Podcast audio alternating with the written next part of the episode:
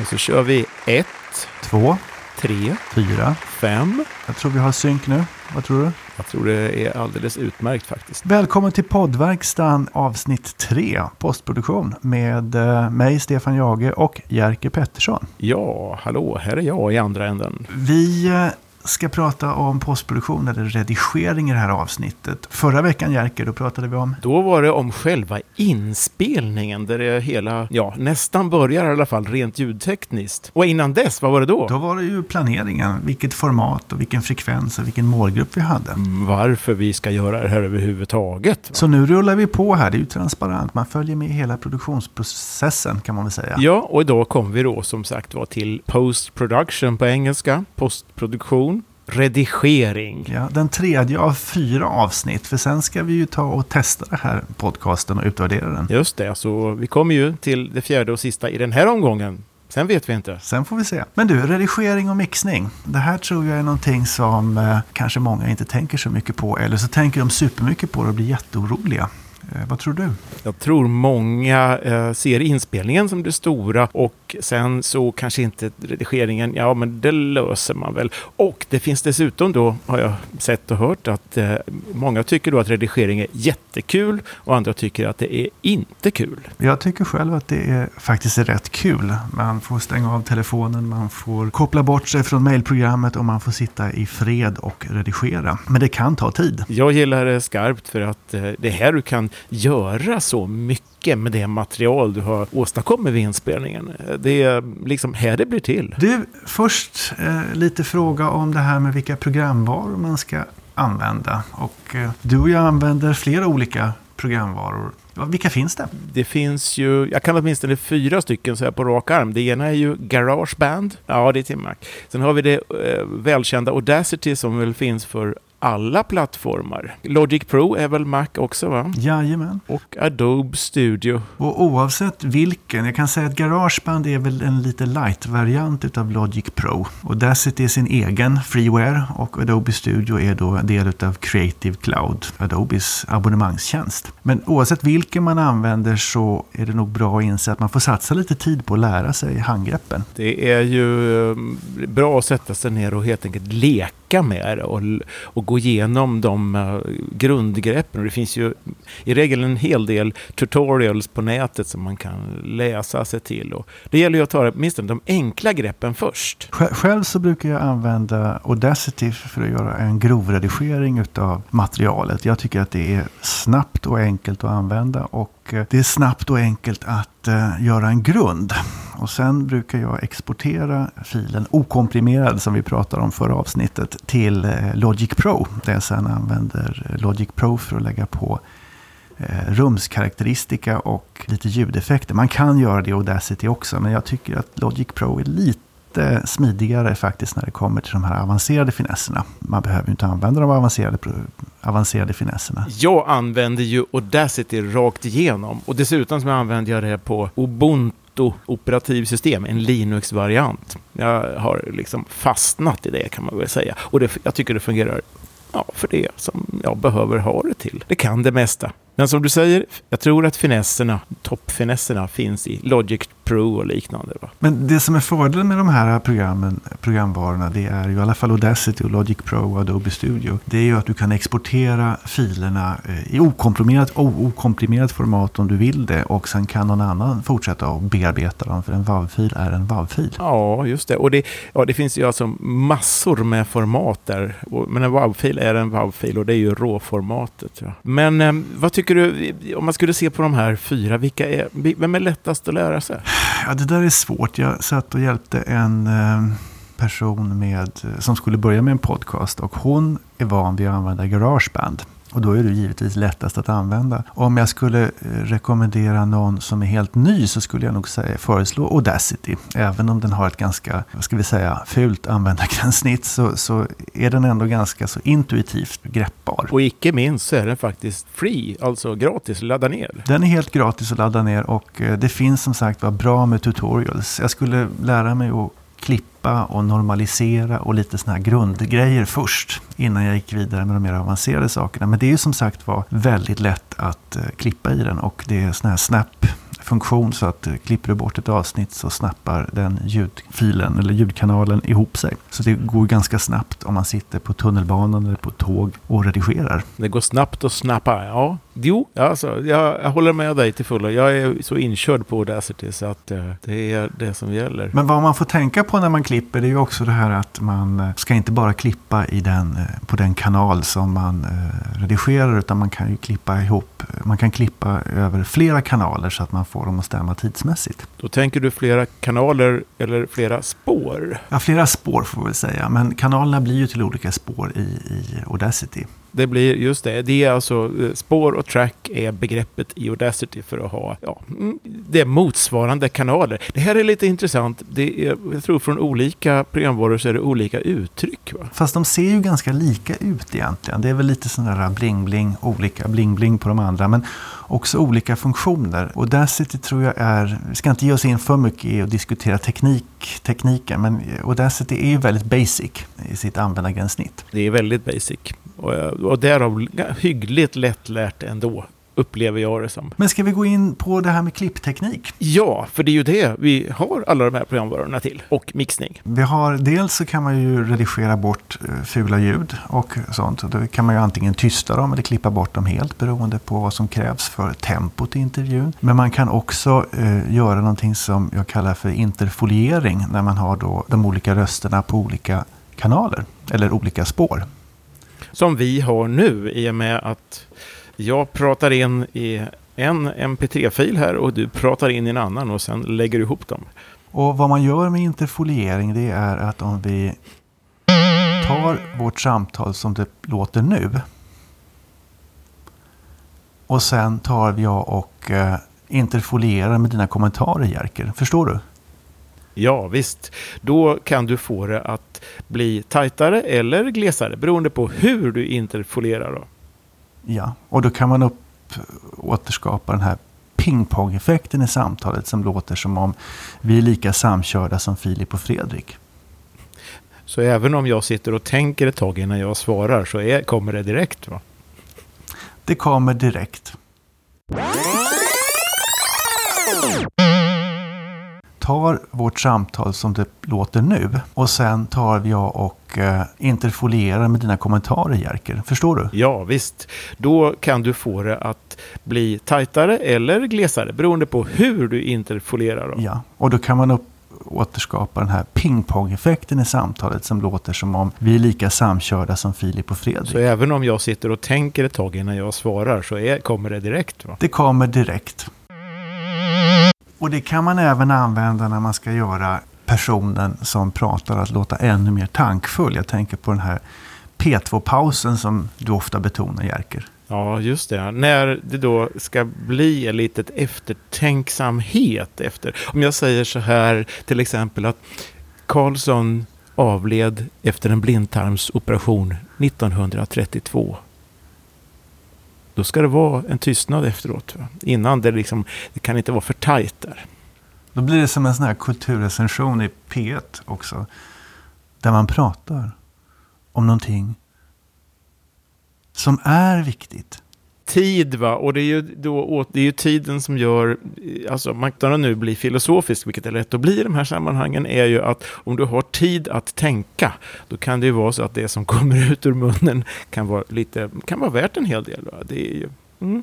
Det är så Leif, Leif GW Persson säger att han gör. Varför han pratar långsamt, det är ju för att han då hinner tänka. Ja, men det är underbart. Det är nästan bättre med den typen av tystnad än de här interjektionerna när människor av rädsla för att bli avbrutna lägger in ett långt ö just för att inte ge något ljudutrymme till någon annan. Och dessa ö är ju de kan vara störande och jag vet att du gillar inte hummanden och ön, eller hur? Nej, jag, jag, är väldigt allergisk mot de där ön och det är väl för att jag har suttit och klippt bort så många ön eh, under årens lopp.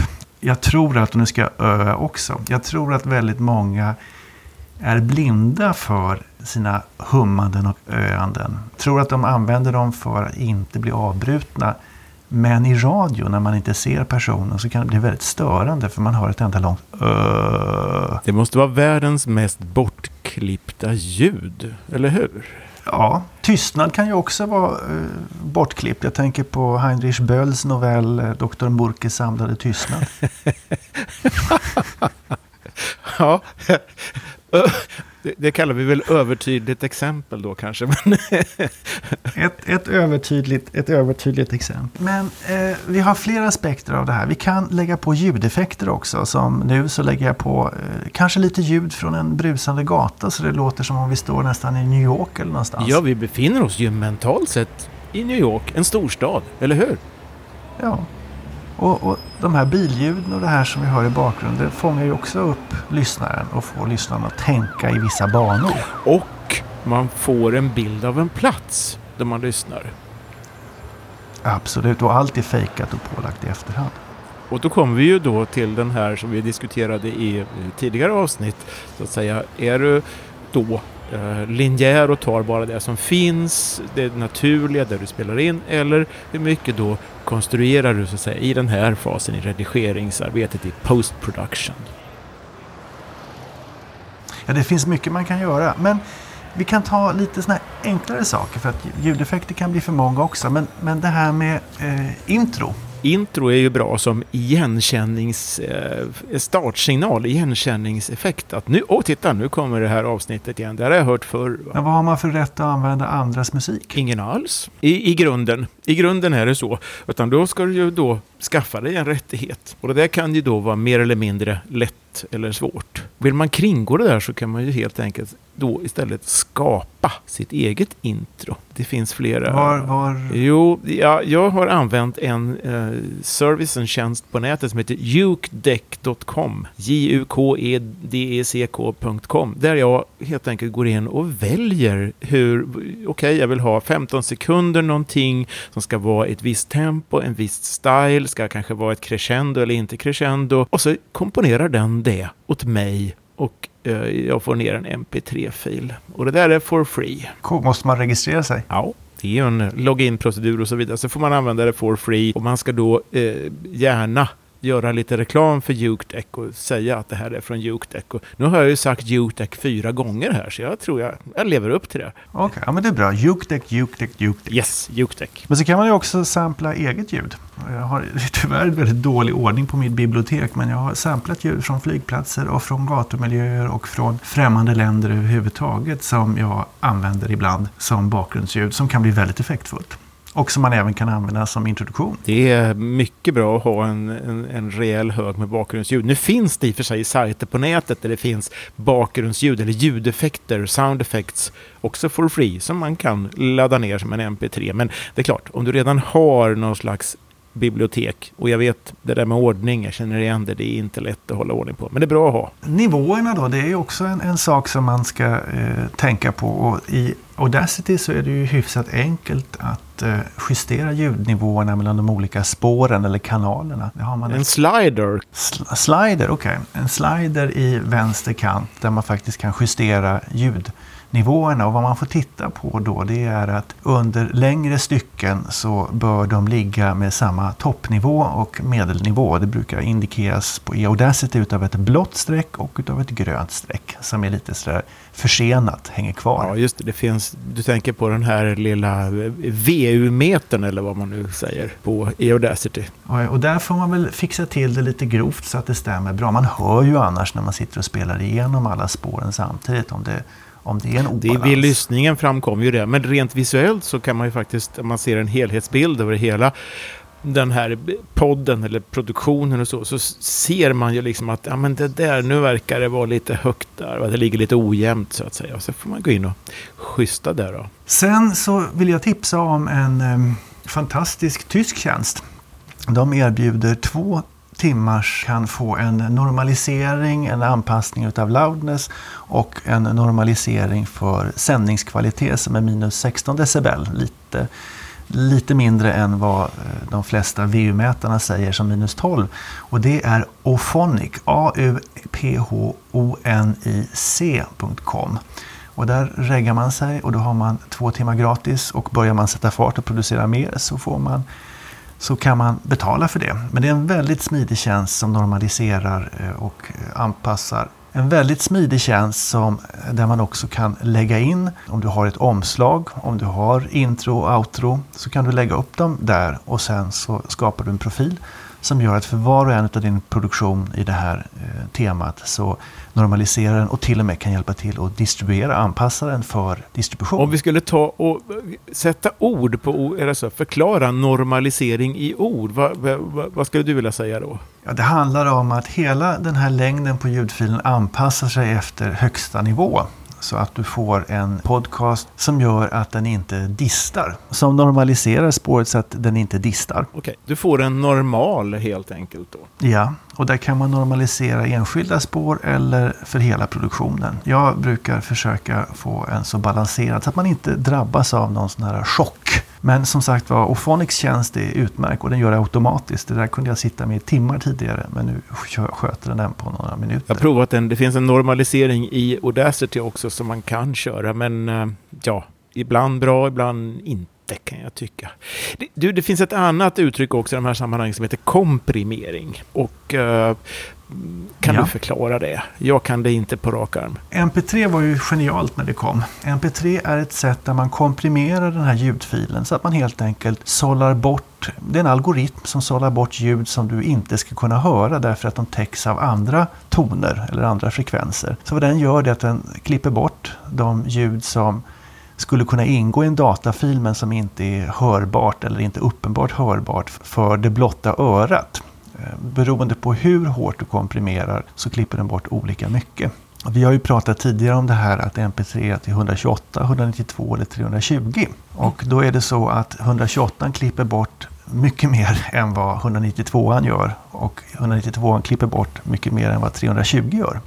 Och det handlar om överföringshastighet i princip. Vi kan väl säga så här att komprimering är inte det man ska ge sig på först av allt i alla fall. Man kan överväga den någon gång. Det är ungefär min enkla devis. Ja, man gör ju det i slutändan när man gör en mp3-fil utav, utav Ja, då blir det en oundvikligen. Men utöver det menar jag så behöver man inte börja med det i alla fall. Men det finns som en, en metod. Men sen kan vi också prata om en annan sak inom tempo. Det, det, är ju det här med huruvida, som vi då, att vi har ett linjärt snack rakt igenom som vi klipper bort eller om vi bygger upp med moduler där vi har inslag som veckans tips från psykologen eller veckans tips från tidningsmannen eller veckans tips från chefredaktören. Och i de lägena där man har en sån här block som är återkommande så har man ju i regel någon slags liten signal, trudelutt signatur, ja, en ljudillustration som liksom indikerar att ah, nu kommer veckans tips, veckans eh, mm. bok eller vad det nu handlar om. Det gör ju också att man upplever att den här podcasten är som ett fullmatat magasin med många spännande överraskningar. Man kan se en sån här signal som ungefär, om man, du säger just magasin så kan man se det, okej, okay, nu vänder jag och så tar jag nästa uppslag i tidningen. Det finns massor man kan göra. Det är också det här med att klippa in andra intervjuer eller reportageinslag som skapar en dynamik i programmet. Men det är ju inte riktigt det format vi har bestämt oss Nej, för. Inte i poddverkstans podd om podd i alla fall. Men du, eh, gutturala överbryggningar eller inte? Där är vi... jag är väl mer ortodox än du när det kommer till sånt. Jag tycker bara ordet gutturala överbryggningar är så vackert på något vis. Ja, alltså du eh, tar gärna bort alla sådana och jag säger ja men okej då, det är väl naturligt, det kan väl vara med. I och för sig, jag, jag är lite allergisk mot en guttural överbryggning, eller vad vi nu ska kalla det, och det är det här smackandet som jag själv ibland åstadkommer och, och även intervjupersonerna kan åstadkomma. Mm, det är de här vet du, slemsträngarna i halsen vad det kallas. Ja, det blir som klick i alla fall. Som liksom så här. Nej. Men det som är bra med dem det är ju att de är oftast väldigt korta. Så vad man kan göra då för att klippa bort dem, även om de sker nästan mitt i en mening, det är att man kan identifiera dem och sen så förstorar man och förstorar man och förstorar man. Och så väljer man precis det klicket som är otroligt distinkt och otroligt kort. Och det brukar inte ens höras sen i den färdiga produktionen. Nej, de är faktiskt, tack och lov, är de lätta så att säga att tvätta bort.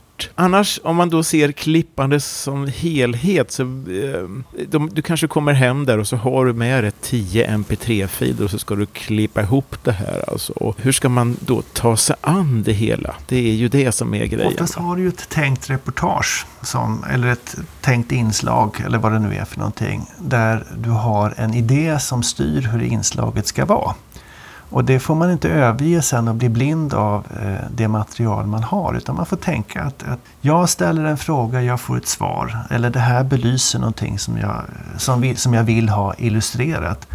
Och då är det bättre att eh, eh ja, ta bort hela avsnitt om man inte tycker att de är värda det alltså inget duttklippande utan man har en tänkt idé om hur inslaget ska låta och sen åstadkommer man det inslaget. Just det, inget duttklippande, det är en bra. Duttklippande är ingenting, nej, det, det, det, blir bara jobbigt och effekten blir sällan så här himla bra. Va? Sen har man, när man är hyfsat klar med det här, då har man ju en slags råkopia. Ett utkast? Ja, ett grovt utkast och då kan det vara bra att låta någon annan lyssna igenom det, till exempel den som blev intervjuad. Ja, det handlar ju om att lyssna, lyssna igen och igen och igen och som du säger, alltså gärna någon annan. Dels den som har blivit intervjuad och kanske också då någon helt utomstående som inte har en aning om det hela.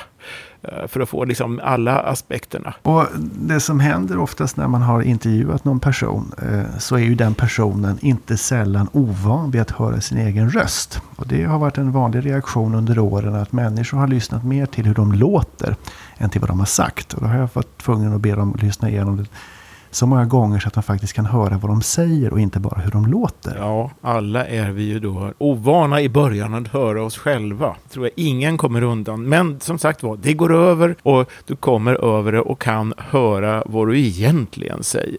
Det där är nog eh, oundvikligt. Sen kan man ju laborera lite med, med röst och röstlägen och tempo i talets framförande också. Alltså, det finns en, eh, en, en, en det finns en aspekt av att upptäcka sig själv i, i någon mening av att då tvingas lyssna på sig själva. Jag tror att vi skulle kunna göra ett program om en kognitiv beteendeterapeut och just det här momentet faktiskt.